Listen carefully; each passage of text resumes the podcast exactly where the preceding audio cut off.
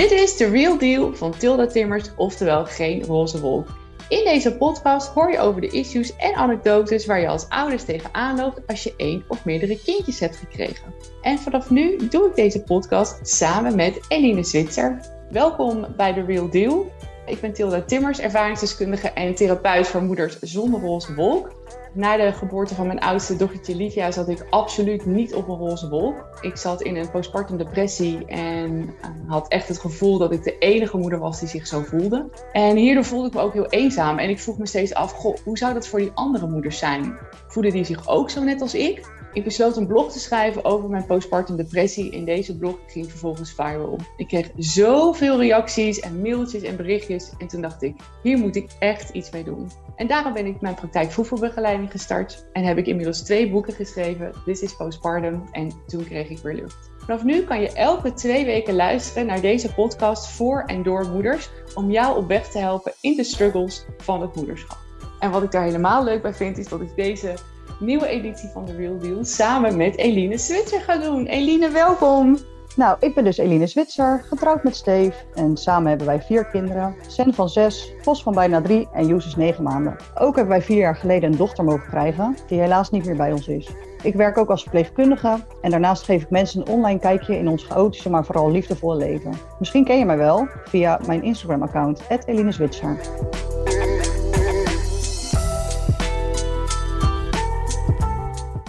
Nou, welkom bij de derde aflevering van The Real Deal. We zijn er weer. Ja, Helemaal leuk. helemaal zin in weer. Ja, ik ook. Ik keek er echt naar uit. Ja, ik ook. Gewoon lekker ontspannen kletsen over van alles en nog wat. Heerlijk. Echt hè? Ja, ik heb dat ook altijd. Ik kijk er echt enorm naar uit.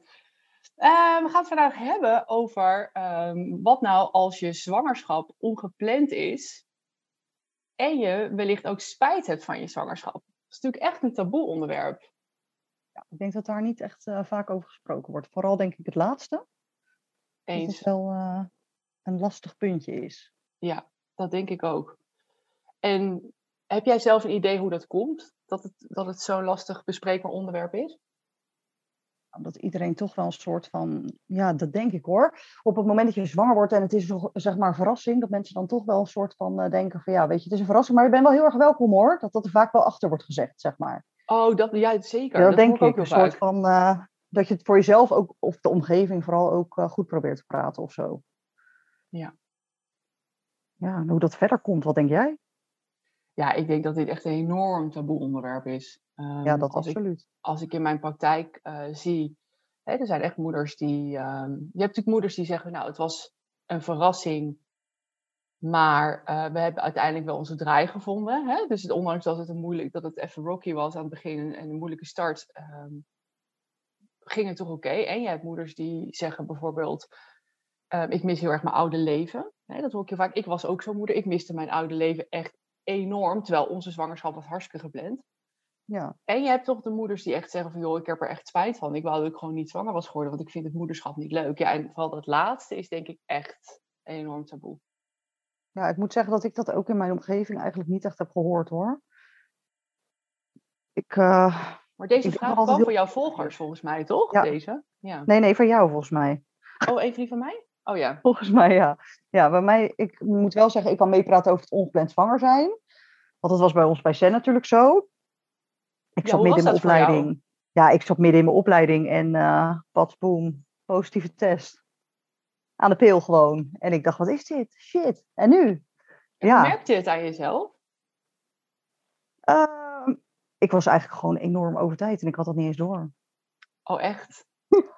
Ik was, ja, ik was over tijd en ik had die week daarvoor, was dat de feestweek.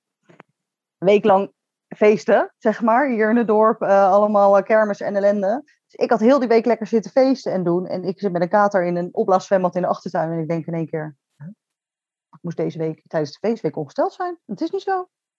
Oh. Ja. En toen ben ik gaan testen. Steve lag op bed, want hij had een, na- een nachtdienst gehad. En toen was hij positief. Toen dacht ik, nee. Oh god, en nu? Ja, Ja. precies. En Ja, hoe, ik- reageerde Steve? Ja, die was ook wel even in shock. Ja, dat snap ik. Ja, weet je, we wonen net in dit huis. Nou ja, wat ik zeg, ik moest nog twee jaar van mijn opleiding doen. Ja, en uh, ja, dat, ja, weet je, we hadden het huis, uh, onze relatie was stabiel. Dus het plan was wel om ooit kinderen te krijgen, maar niet op dat moment.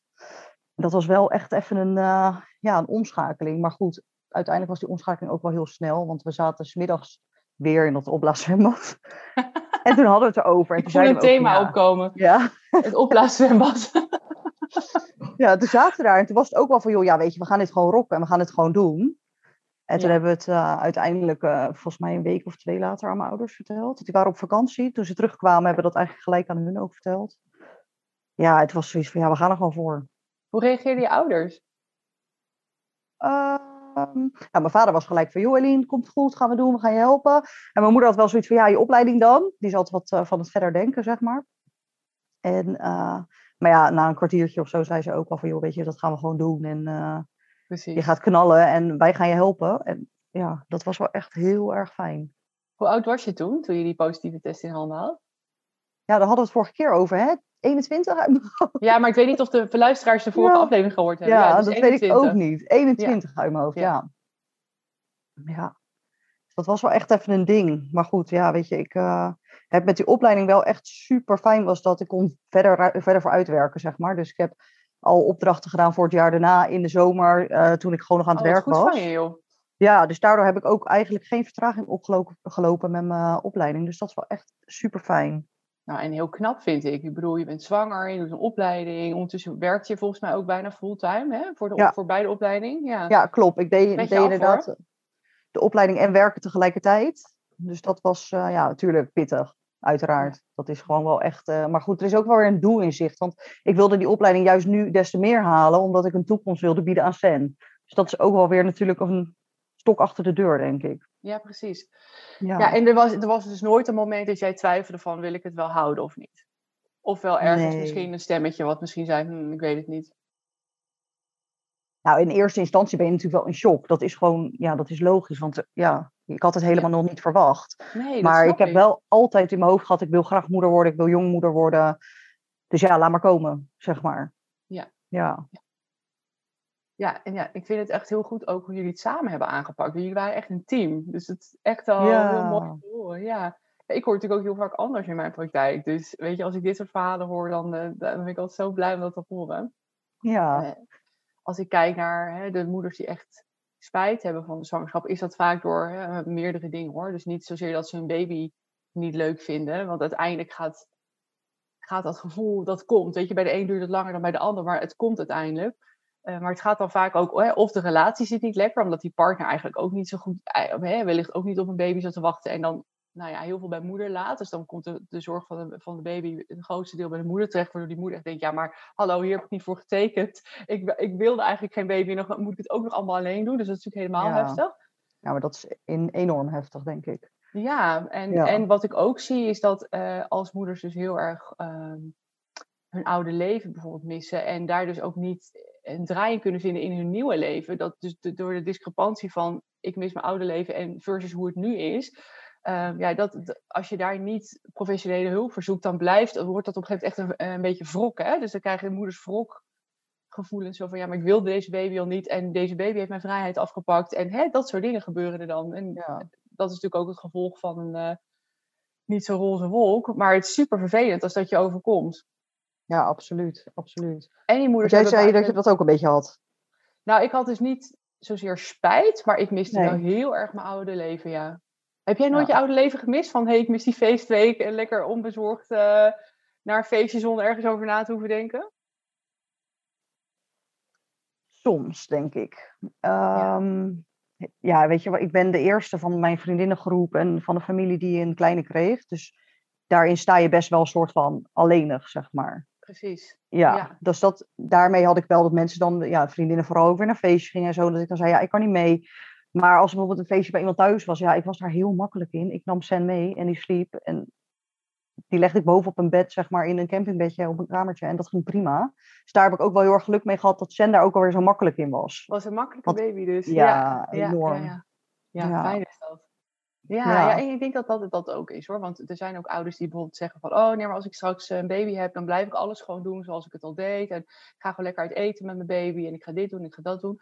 Maar als de baby er dan is, is het in werkelijkheid vaak heel anders. Hè? Dus Ja. of je voelt zelf die ruimte niet om de baby mee te nemen. Of elke keer als je bijvoorbeeld wat op een terras zit of in een restaurant bent, is je baby overprikkeld of gaat huilen. Weet je, er, er kunnen natuurlijk zoveel scenario's plaatsvinden. Dus je kan het nog zo leuk bedenken van tevoren. Het, in het echt loopt het 9 van de 10 keer toch anders. Ja. Ja, ja, dat is wel zo. Aan de ene kant wel. En aan de andere kant ben ik heel erg inderdaad wel geweest dat ik hem dus overal mee naartoe nam. Maar je was ook heel jong, dat snap ik. Ja. Je had gewoon zoiets van, ik ga dit gewoon in mijn leven passen, linksom of Ja. rechtsom. Ja, weet je, ik moest ook op de een of andere manier natuurlijk al best wel snel weer aan de slag met mijn opleiding. Eh, verlof Ja. van werk heb ik dan wel gehad, dus daar heb ik wel echt de tijd voor gehad. Maar eh, met die opleiding niet. Dus ja, ik had ook, ik, volgens mij was, was ik, nou, volgens mij was de kraam, zorg net de deur uit en toen zat ik in een restaurant. Ja. Voor het Eerst zeg maar dat hij daar heel lief zat te slapen en dat ik dacht, oeh, ik zit niet meer zo lekker op die hechtingen, zeg maar. Ja. Maar waarom, zo, ja. waarom ging je al zo snel uit eten? Vertel eens. Weet ik niet. Misschien ook wel de drang om gewoon inderdaad weer een beetje het normale leven op te pakken. Ik weet het niet. Ja, precies. Dat je dacht, Ja. ik, ik, ik laat me er niet onder krijgen, ik ga gewoon verder waar ik gebleven was. Weet je Ja, dat denk ik of zo. Ik weet het niet. Ik Ja, wil je geen woorden in de mond leggen, maar ik vraag me dat dus af. Ik denk misschien een beetje wel. hardop mee. Ik had dat ja ook wel een misschien ook beetje wel omdat Sen ook wel zo makkelijk was. Hè? Dat ik dat dan ook wel een soort van aandurfde of zo. Jawel, maar ik hoor toch echt zelden dat als moeders hechtingen nog niet geheeld zijn. Ja, Dat zal het heet gaan. ik ben ook wel een beetje misschien no apart judgment geval. natuurlijk. Maar ik bedoel... Ik ben ook wel een beetje een apart geval hoor daarin. denk ik. Ik Ja, ben ik altijd vind- wel gewoon een harde geweest hoor, wat dat gaat. En... Ja, ik, ik vond het Maar ook hoe kijk je daar nu op terug dan, als we het daar nu zo over hebben? Hoe kijk je daar dan nu op terug? Hoe kijk ik er nu op terug? Ja. Ook alweer met een grote glimlach. Dat is ook wel weer leuk dat dat gewoon kon. Maar aan de andere kant, ja, zou ik het dan aanraden? Nee. Nee, precies. Dus moeders, als je nu luistert en je hechtingen zijn nog vers, je hoeft niet uit eten. Nee, precies. Blijf lekker op je bank hangen. Ja, ik heb ook echt weken alleen maar op een donut gezeten. En ehm, ik had echt een knip van hier tot Tokio met een hematoom, Oh, eh, ofwel een, een, een bloeduitstorting te, te grootte van mijn vuist die erop duwde. Dus ik kon niet liggen, ik kon niet staan, ik kon niet zitten, ik kon helemaal niks. Dus ik heb echt, eh, echt zes weken op een donutje gezeten. En ehm, elke keer als ik opstond, moest ik eigenlijk huilen van de pijn. Oh ja. Ja, die pijn van die knip herken ik ook wel, ja. Zo. Och, ja. Ja, dat is ook Dat zoiets wat iemand je vertelt, hè? Dat je echt denkt, goh, had even gezegd dat dit eh, een optie was, zo'n knip met eh 80 hechtingen. En Mhm. Ja, gaan we het de volgende podcast over hebben, hè? De dingen die niemand je vertelt in de kraamweek. Dat wordt ook een leuke Ja. podcast. daar komen wel hele leuke dingen aan. Ja, dat, komt- dat, wordt, dat wordt hele toffe. Hey, maar ehm, terug naar ehm, ehm, dus, hè, dat gevoel van, oh, ik mis mijn oude leven. Dat, dat is denk ik wel iets wat heel vaak voorkomt. Dus zeg maar, hè, een beetje de middenweg. Dus dan wel, eh, eh, hè, of je zo spijt hebt van je kind. Dat is natuurlijk het ene uiterste. Maar de middenweg van hè, je oude leven missen, dat hoor ik echt heel vaak. En dat had ik ook Ja. bij, dat zag ik ook bij mijn vriendinnen. Die waren allemaal stuk voor stuk, weet je, allemaal hoogopgeleide, nuchtere dames. Maar die allemaal tegen mij zeiden, joh Til, hoe deed je dat? En mis je dan die dingen? Nou, ik miste heel veel dingen. Die, zeker die eerste zomer. Dus al mijn, al mijn Ja. vriendinnen we gingen naar festivals en ik zat dus thuis met mijn knip en mijn en baby. En Te denken van, wat is er van, ja precies, wat is er van mijn leven geworden, dacht ik Ja. de hele tijd. Ja. ja, dat herken ik wel. hoor. Sommige, sommige stukjes inderdaad, dat je denkt, ja, daar had ik ook wel gewoon bij willen zijn. Maar ik denk heel eerlijk dat eigenlijk iedereen dat wel een beetje heeft. Tuurlijk. En de ene wat meer, eh, mindere mate en de andere juist wat meer. Maar goed, ja, ik denk dat het ook wel menselijk is, omdat er gewoon zo enorm veel verandert. Dat is gewoon zo. Het is gewoon echt wel, een moeder worden is gewoon zo'n life-changing iets, zeg maar. Absoluut. Ja, Ja, ik, ik vond het wel de eerste keer het, het heftigst. Ik weet niet hoe jij daarin zit. Eh, ik twijfel een beetje tussen de eerste en de tweede keer. De eerste keer veranderde heel veel dat ik in één keer dacht van, joh, ik krijg nu zo'n verantwoordelijkheid. Dat ik s'nachts ging kijken van, joh, ademt hij nog? Weet je wel, zulke ja, dingen. ja, ja, dat je echt denkt, hoor. ja, dit is gewoon mijn kind. En ik moet hier dus echt gewoon voor zorgen. En dat had ik bij de tweede natuurlijk wel minder, omdat je dat al weet. Maar ik vond die verandering ook wel weer heel groot, zeg maar. Ja, nee, dat snap ik. Ik, had ik vond de eerste keer het heftigst, maar dat was natuurlijk ook omdat ik een postpartum depressie had. Maar ik vond het ook het heftigst omdat inderdaad dat verantwoordelijkheidsgevoel zo hard bij mij binnenkwam. Ja. Dat ik dacht, Maar dit is dus nu, vanaf nu, de rest van haar leven ben ik nu verantwoordelijk voor haar. Ja. En dat kwam zo hard binnen bij mij. Dat ik denk dat daar ook meteen dus die intrusies ook vandaan kwamen. Dat ik echt dacht, maar haar mag niks overkomen. Dus Ja. mijn mama Leeuwin ging aan en die is nooit meer uitgegaan. En dat vond ik dus bij de tweede echt een stuk minder heftig. Omdat ik dacht, ja, dit, dit gevoel ken ik. Hè? Dit heb ik al Ja. een keer meegemaakt. En tuurlijk werd het twee keer de verantwoordelijkheid. En twee keer de zorg en twee keer zo druk. Dat vond ik ook. Maar ik vond het echt vele malen minder heftig dan de eerste keer. En daar was ik zo blij mee. ja, dat snap ik. Zeker als dat gevoel natuurlijk zo erg overvalt. Ja. Dan is dat echt wel ook lastig om soms te relativeren, denk ik. Of vul ik dit in? Nee, nee dat, dat, zo, was het echt. En het Ja. relativeren was er helemaal niet bij mij. Man, ik relativeerde helemaal niet meer. Dat ging namelijk samen met eh, de nachtrust zo hoppakee het raam uit. er werd niet meer geslapen en er werd niet meer gerelativeerd bij mij. Nee. Nee, Ja. dat, dat wijt ik ook wel aan de hormonen trouwens. Maar mijn man die kon dan bijvoorbeeld echt zeggen van... joh, maak je niet zo druk. Eh, weet je, straks dan, hè, dan komt het allemaal goed. En die overzag dan helemaal zo het lange termijn. En ik dacht... Nee man, ik ben doomed. Ik zit de hele dag thuis met mijn baby. Dit komt niet meer goed. ik, zag het echt heel, ja, ik zag het echt heel donker in. En ik heb dus ook echt wel eens gedacht, was ik er maar niet aan begonnen. Ik kan dit helemaal niet. En daar voelde ik me dan natuurlijk weer heel erg schuldig over. Want dan dacht ik, jezus, wat, voor, wat ben ik voor ontaarde moeder. Dat ik dit soort dingen denk. Wat erg. Ja, maar daarin ben je echt niet de enige, denk ik hoor. Echt niet. Dat hoor je nu natuurlijk in je praktijk hartstikke veel. Ja, Ja, nu hoor ik dat eigenlijk alleen maar. En, maar dat wist ik natuurlijk toen niet. Dus nee. ja, had, ik toen, had ik toen maar geweten wat ik nu allemaal wist. ja, maar, hè? precies. Ja. Ja. Ja, ik vroeg dat laatst ook aan mijn volgers van, goh, wat zou jij eh, tegen je oude ik willen zeggen, weet je? Dan had ik al een paar stories gemaakt met hè, hoe het bij mij ging. En, en toen kreeg ik ook zulke mooie reacties. En dat ook een beetje wat ik zelf had. Ik, ik kijk met heel veel compassie en empathie naar mijn oude ik. Hè. Die, die zou ik het liefst een hele dikke knuffel geven van, joh, weet je, het komt goed. Ja, Want ik was ook zo hard voor mezelf. En dat hoorde ik dus ook van mijn volgers. Van, joh, ik was toen zo, ik deed zo lelijk tegen mezelf. Ik zou mezelf nu met veel meer eh, ja, mildheid benaderen. Hoe, hoe kijk jij er tegenaan? Hoe kijk jij naar jouw oude moederversie? Maar bij mij is er echt een verschil tussen Sen en Vos. Bij Sen ging alles heel erg gemoedelijk. En dat is heel gek, want dat was de eerste. Dus ik had wel in één keer dat gevoel van verantwoordelijkheid, zeg maar, wat me echt overviel. Maar hij was zo zoet.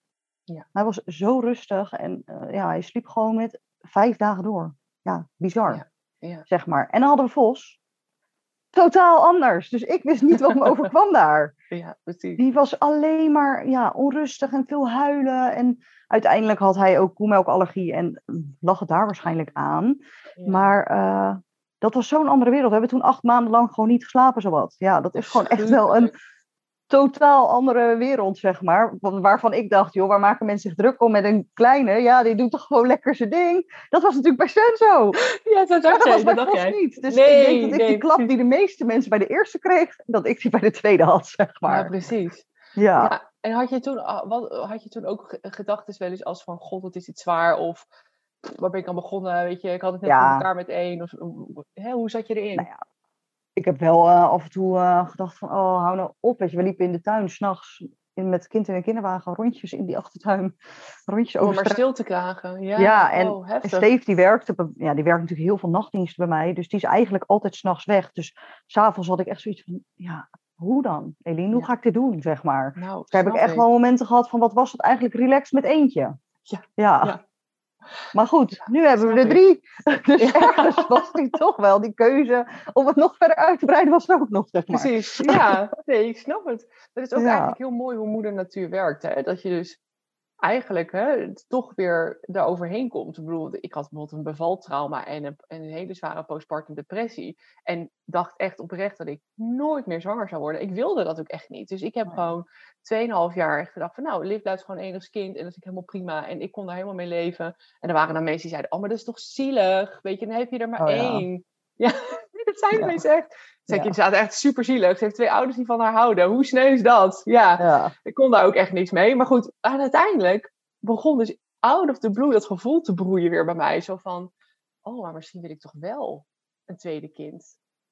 En toen dacht ik, wist ik dat echt? Nou, wat bijzonder. En toen, nou, toen heb ik dat even laten bezinken. En toen zei ik tegen Tim, eh, een paar dagen later, van, nou, ik ga nu echt iets heel raars tegen je zeggen. Toen zei hij, wat dan? Ik zei, nou, ik denk dat ik een tweede kind wil. en toen keek hij me aan, toen zei hij, zou ik je wat leuks vertellen? Ik zei, nou, hij zei, ik ook. Oh. Nou, dat was zo bijzonder. Want wij Ja. dachten echt allebei, gaat nooit meer gebeuren. En daar hadden we ook vrede mee. En toen was ineens daar bij ons allebei tegelijk die wens. Nou, dat was echt wel heel bijzonder hoor. Ja. Ja, maar ook wel knap hoor van je. Ben je ook wel echt eventjes natuurlijk door eh, een eh weer- weerwar van emoties gegaan natuurlijk. Ja, echt. Ja. Ja, ja, ik vond zelf de keuze zeg maar, om weer zwanger te worden, dat vond ik nog niet het spannendst. Maar wat ik het spannendst vond, eigenlijk was toen ik zwanger was. En dus bleek dat ik eigenlijk de, de bevalling helemaal niet verwerkt had, omdat ik nog een trauma had.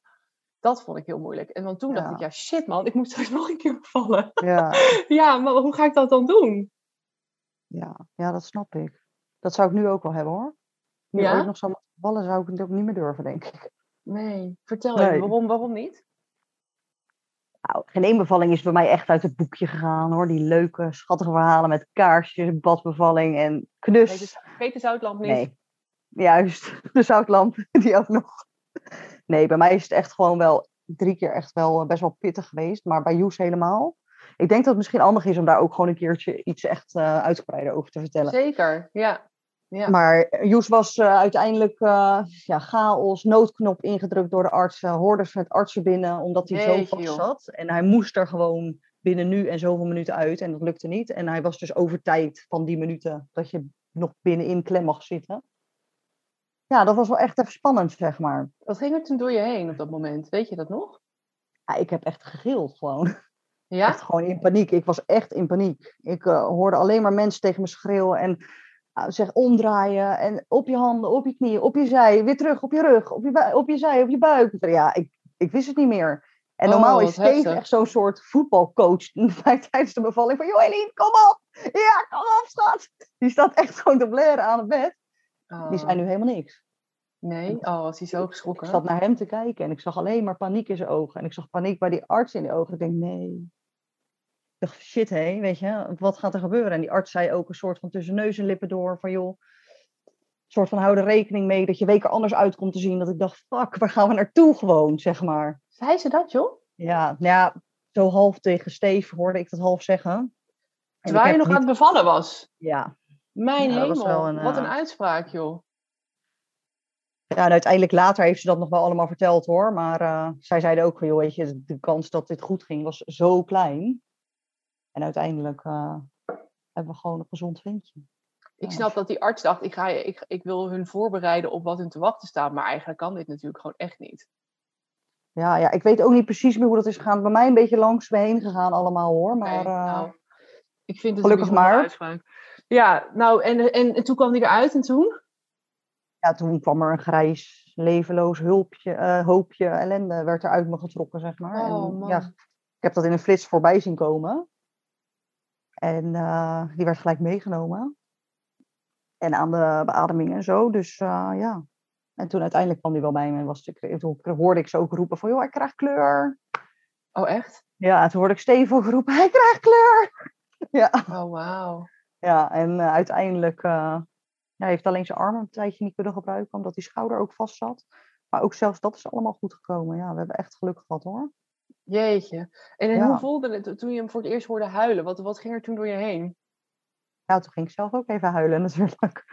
Echt wel Ah, een ontlading, ja. Ja, ik Ja. zag het ergens al voor me dat ik dacht, nee, niet weer een kindje dood op mijn borst, zeg maar. Ja, Nee, dat, dat is echt onmenselijk. ja, Ik heb kippenvel al over nu je dit vertelt. ja. Ja. Zo heftig om dit mee te maken, lijkt me. Ja, absoluut hoor. Dus hier maar, iedere bevalling is weer een ja, bevalling op zich. Ja, nou maar. Hè. Ja, ja. En toen moest je toen nog lang blijven in het ziekenhuis? Ehm, anderhalve dag, zoiets. Viel mee. Echt? Ja. Joh. Mocht er gewoon naar huis. Hij moest wel eh, hier zo eh, gecontroleerd worden, elke keer met zijn armpje. Maar aan het eind van de kraamweek deden die ook alweer een beetje gewoon eh, bewegen. Dus Ja, dus hij kon al Ja. vrij snel wel weer Ja. bewegen. Ja. Ja, alleen moesten tussendoor in de kraamweek wel nog drie keer terug hoor. Ik ging naar huis met een katheter, omdat ik, ja, weet je, zo hard allemaal getrokken. Dat, eh, dat ging allemaal niet meer. Plassen. bedoel je? Of had je... Nee, nee, maar ik kon niet meer plassen. Gewoon, eh, ik had eh, retentie. Oh, Urineretentie. urineretentie. Ja. Ja. ja. Ro, leg even uit aan de luisteraars wat dat is, want die- die weten dat waarschijnlijk niet. Ja, dat is dus een medische term, toch? Ja, Ehm, ja, dat je, dat je gewoon je wil plassen, maar het lukt niet. Juist. Dus Ja, eh, je blaas goeie- zit vol, maar het komt er niet uit. Ja. Du- Dus vandaar die katheter. Dus dan Ja. ging ik mee naar huis en eh, moest ik een paar keer terug voor controle en uiteindelijk mocht hij er eh, gewoon uit. Dus ja, Ja, heftig en een hoor. klap van onder en een, en een klap van je koppie, maar ook van onder, zeg maar. Ja, een dubbele klap. Ja, Ja. oh man, man. Ja. Weet je, en kon je toen, toen je thuis kwam in de kraamweek, kon je toen genieten? Of stond je echt nog in, in de overlevingsstand van de bevalling? Ehm, ik denk dat ik wel echt heb kunnen genieten hoor. Ja, dat denk ik Ja? wel. Ja, ik was wel echt zo blij dat hij gewoon zo goed deed. Ja, dat, Dat ik daar zo dankbaar voor was. Eh, ik denk dat het bij mij die klap wat later kwam hoor. Dat ik dacht van, shit, wat is er eigenlijk allemaal gebeurd, zeg maar. Dat is Ja. pas later eigenlijk eh, gekomen dan, eh, ja, dan echt al in die kraamweek zelf. In die kraamweek word je geleefd of zo. Ja, dan zit je zo vol adren- eh, adrenaline. Dus Ja, dus een dat, beetje een mix eh, van beide, begrijp ik. Dus Ja. een beetje die overlevingsstand nog, maar ook die, dat gevoel van, oké, hij is er nog en er Ja. wel van kunnen genieten. Ja. Ja, Ja, dat snap ik ook. Weet je, ik denk als je zoiets meemaakt, dat vormt je, dat verandert je eigenlijk voor goed. Hè, Ja, en dat, en dat, dat is nu bij jou zo, maar dat denk ik bij heel veel moeders zo. Als je zoiets heftigs meemaakt, dat, dat vergeet je nooit meer. En ehm, ik raad moeders in mijn praktijk ook aan, vaak hè, als ze een bevaltrauma hebben, om EMDR te doen. Omdat het gewoon heel goed werkt voor bevaltrauma's. Ehm, ik heb dat zelf ook gedaan, EMDR, voor mijn bevaltrauma. Terwijl ik zwanger was. Dat was ook wel echt heel heftig. Maar dat hielp mij wel heel goed. Dus eh, uiteindelijk kon ik daardoor het, trauma loslaten en ehm, nou ja, wat relaxter aankijken tegen mijn tweede bevalling. Maar ik wilde even goed alsnog niet nog een keer vaginaal bevallen. Dus ik heb echt moeten knokken voor een keizersnee. Die heb ik uiteindelijk ook gekregen, maar die, dat ging dus niet vanzelf. Daar heb ik echt heel veel moeite voor moeten doen. Nou, wel fijn dat het uiteindelijk dan gelukt is, maar eh, wel Ja. bijzonder dat er dan zo slecht wordt geluisterd eigenlijk naar je eigen gevoel. Nou, maar echt. En dat Ja. zie ik dus bij moeders in mijn praktijk ook. Die zeggen Ja. dan van, ja, ik, die hebben dus iets, bijvoorbeeld iets vergelijkbaars meegemaakt met jou of met mij. En die zeggen dan van, eh, ja, nou ja, en ik wil dus gewoon niet meer vaginaal bevallen, maar dat mag dus niet. Terwijl bijvoorbeeld, weet je, in landen als eh, Zuid-Amerika, eh, Zuid-Afrika, eh, Amerika, heel, eigenlijk heel Zuid-Amerika ook, mag je gewoon zelf kiezen Ja, op welke manier je bevalt. En in Nederland is dat zo anders. En Ja. ja, ik dacht op een gegeven moment, dit is mijn lijf, mijn Ja. baby, dus mijn keus. Weet je, ik ben al een keer vaginaal bevallen, niet zo lekker gegaan, niet gelukt. Volgende optie, alsjeblieft. ja precies. Maar dat, dat, Ja, dat is wel inderdaad wat ze tegen mij nu zeiden. Van joh, als je ooit nog een keer zou willen bevallen, wordt dat wel een keizersnee.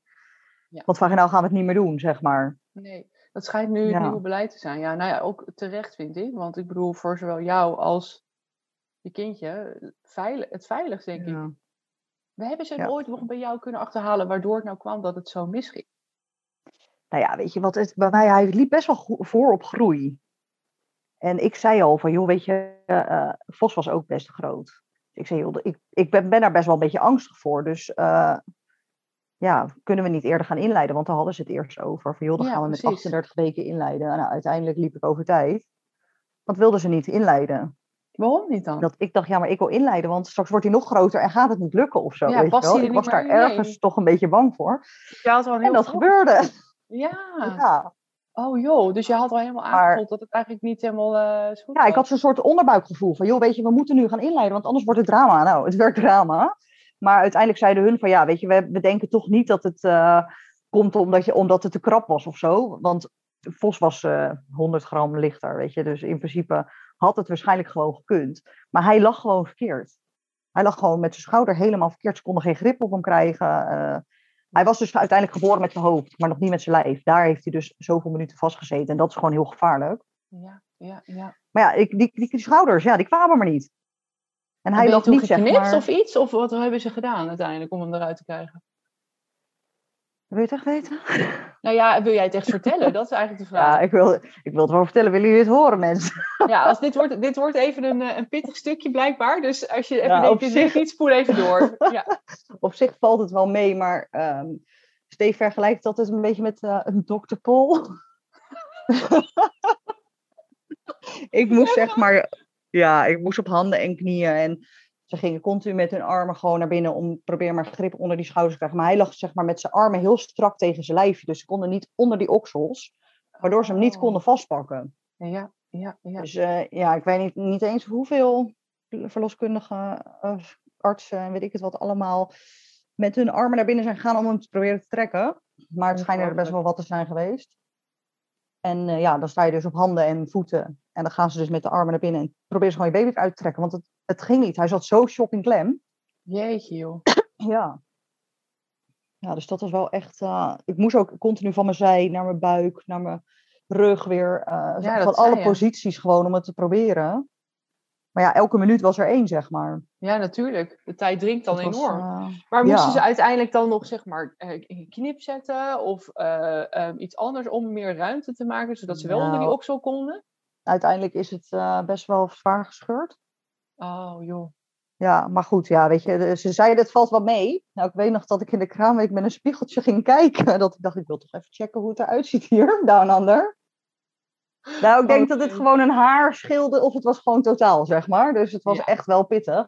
Jeetje. Maar hun hadden verwacht dat het gewoon totaal was, dus ze zeiden het valt wel mee. Ja, ja, ja. Maar dat voel je natuurlijk zelf ook wel dat het niet meevalt. Ik bedoel, dat, voel je gewoon. ja, tuurlijk, tuurlijk. Maar ik, ik moet zeggen, ik alles vond down scheur under minder is erg. gevoelig. Ja, ik vond zo'n scheur minder erg dan een knip. Want bij Sen heb ik een knip gehad voor de vacuümpomp. Nou, dat zijn ook aardige knippen, zeg maar. En dat vond ik toch pijnlijker.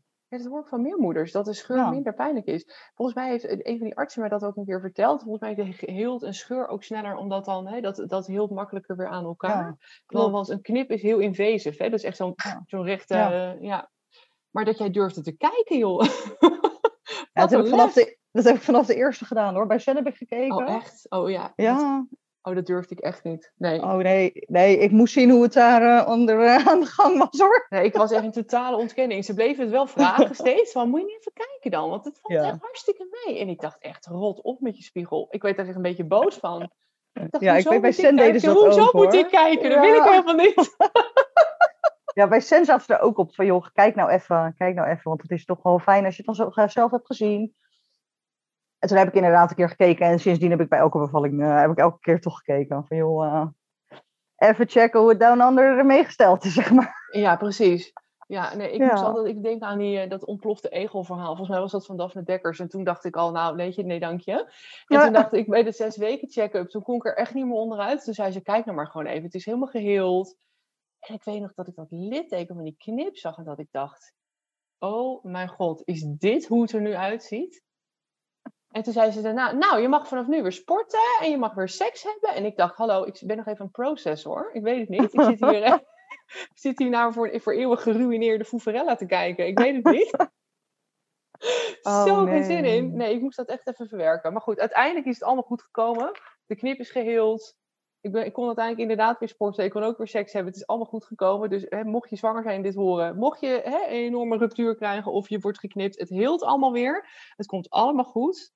Maar eh, hou wel even wat eh, benodigdheden in huis. Als in eh, zo'n zo'n waterbottel. Dat als je moet plassen. Ja, wat, oh ijs, ja. wat ijscompressjes. En, Volgende podcast. Volgende podcast, ja. Maar het, het komt allemaal goed. Dat is denk ik wel goed. belangrijk om even te vertellen. Het komt allemaal goed. Komt goed, sowieso. Maar goed, we hadden het eigenlijk over spijt hebben van je zwangerschap. En ehm, het moeilijk, moeilijk vinden hè, om eigenlijk je draai te vinden. Als jij nu terugkijkt naar bijvoorbeeld die eerste zwangerschap. Hè, dat was echt een surprise baby. Ehm, in retrospect met hoe, hè, hoe je het nu allemaal hebt beleefd, zoveel jaar later. Wat zou je anders doen? Mm. Ik, nou, ik zou niet eens heel goed weten wat ik echt anders zou doen. Ik denk dat ik echt wel heel trots terug kan kijken op hoe ik dat heb geflikt gewoon. Dus ik denk eigenlijk dat ik het wel gewoon redelijk hetzelfde zou doen. Nou, wat Ja, ik, goed. hoop, ik zou hopen dat ik minder zou hoeven te werken. Maar ja, Kijk, dat zat dat er is niet inderdaad in. een mooi leermoment. Nee, oké. Ja, Nee, oké. maar weet je, dat, dat, is dat heb ik toen wel eh, nagevraagd, inderdaad. Van joh, eh, kan ik minder gaan werken? Maar je moet, moest, omdat ik die opleiding ook versneld deed, zoveel aantal uren op de werkvloer maken. Ik Dus ja, dat, dat kon gewoon niet. Dus dat, ja, weet je, dat zou ik aan de ene kant misschien anders, ik zou het anders willen doen, Ja, zeg maar. Ja. Dat zou ik anders willen doen. Dus het had, niet, had waarschijnlijk niet gekund, maar ik had het wel anders willen doen. Meer tijd gewoon, ja, kunnen meemaken met de kleine. Ja, mooi. Ja. En jij? Ja, wat ik anders zou doen is echt veel milder naar mezelf kijken en met een veel liefdevollere manier mezelf benaderen. Want ik heb mezelf zo afgestraft ehm, qua negatieve gedachten over mezelf, dat ik een slechte moeder was, al dat schuldgevoel, die schaamte. Eh, weet je, dat, dat kwam omdat ik vond dat het beter moest. Dus ik zou vooral zeggen tegen mezelf, joh, wees lief voor jezelf, leg de lat laag. En hè, goed is ook goed genoeg, om maar zo te zeggen. Ja. Ja, mooi. Ja. Veel geleerd jij in de afgelopen tijd, hè? Maar echt, nou ja, jij Ja. ook denk ik, toch? Ja, absoluut. Absoluut. Ik denk ook dat ik moest dit echt meemaken om te komen waar ik nu ben. Ik had nooit Ja. dit allemaal kunnen bereiken in mijn leven als ik niet eerst hè, zo diep was gegaan. En dat Ja. Het klinkt heel gek misschien, maar achteraf gezien ben ik eigenlijk heel dankbaar dat ik het heb meegemaakt. Natuurlijk niet in het moment zelf, want het was echt de absolute hel. En dat gun je ergste vijand niet. Maar als ik nu terugkijk, denk ik, ja, ik, ik had anders dit allemaal nooit kunnen doen. Weet je, boeken schrijven, moeders helpen, die praktijk, eh, weet je, noem het op. Dat, dat, dat was anders allemaal nooit gebeurd. Dus het- ik geloof er ook wel in dat het een reden heeft gehad. En daardoor kan ik er denk ik ook nou, goed mee leven, om maar zo te zeggen. En ja, en heel veel therapie gehad, natuurlijk. Ja. Ja, maar het is ook wel weer heel mooi dat je dat juist kan omdraaien naar iets positiefs. Van joh, kijk eens wat het me eigenlijk nu allemaal gebracht heeft. Dat is natuurlijk wel echt super mooi. Dankjewel. En super sterk. Ja. Leuk om te horen. Dankjewel. Ja. Nou, ik denk, ik, eh, ik denk ook dat, dat, dat het gevoel van- dankbaarheid het meest overheerst. Weet je, als ik dagelijks gewoon kijk wat er gebeurt op mijn Instagram, eh, weet je, de reacties op mijn blogs, de moeders die ik zie in de praktijk, dan word ik echt overspoeld door dankbaarheid. En ook een stukje nederigheid, dat je echt denkt, wauw, als jij mij dit zeven jaar geleden had verteld, had ik het echt nooit geloofd. Nooit. Nee. Nee. Nee, snap ik. Is mooi. Mooi platform Ja. ook met zulke dingen hoor. Absoluut. Ja, zeker. Ja. Ja. Nou, ik denk eh, dat dit een mooi einde is weer voor eh, de derde podcast. Ik zou zeggen, iedereen bedankt weer voor het luisteren. De volgende podcast gaat dus over de dingen die niemand je vertelt in de Kraafweek. Dat wordt ook een leuke. En onthoud, echte moeders zijn niet perfect. En perfecte moeders zijn niet echt. Tot de volgende keer! Doei.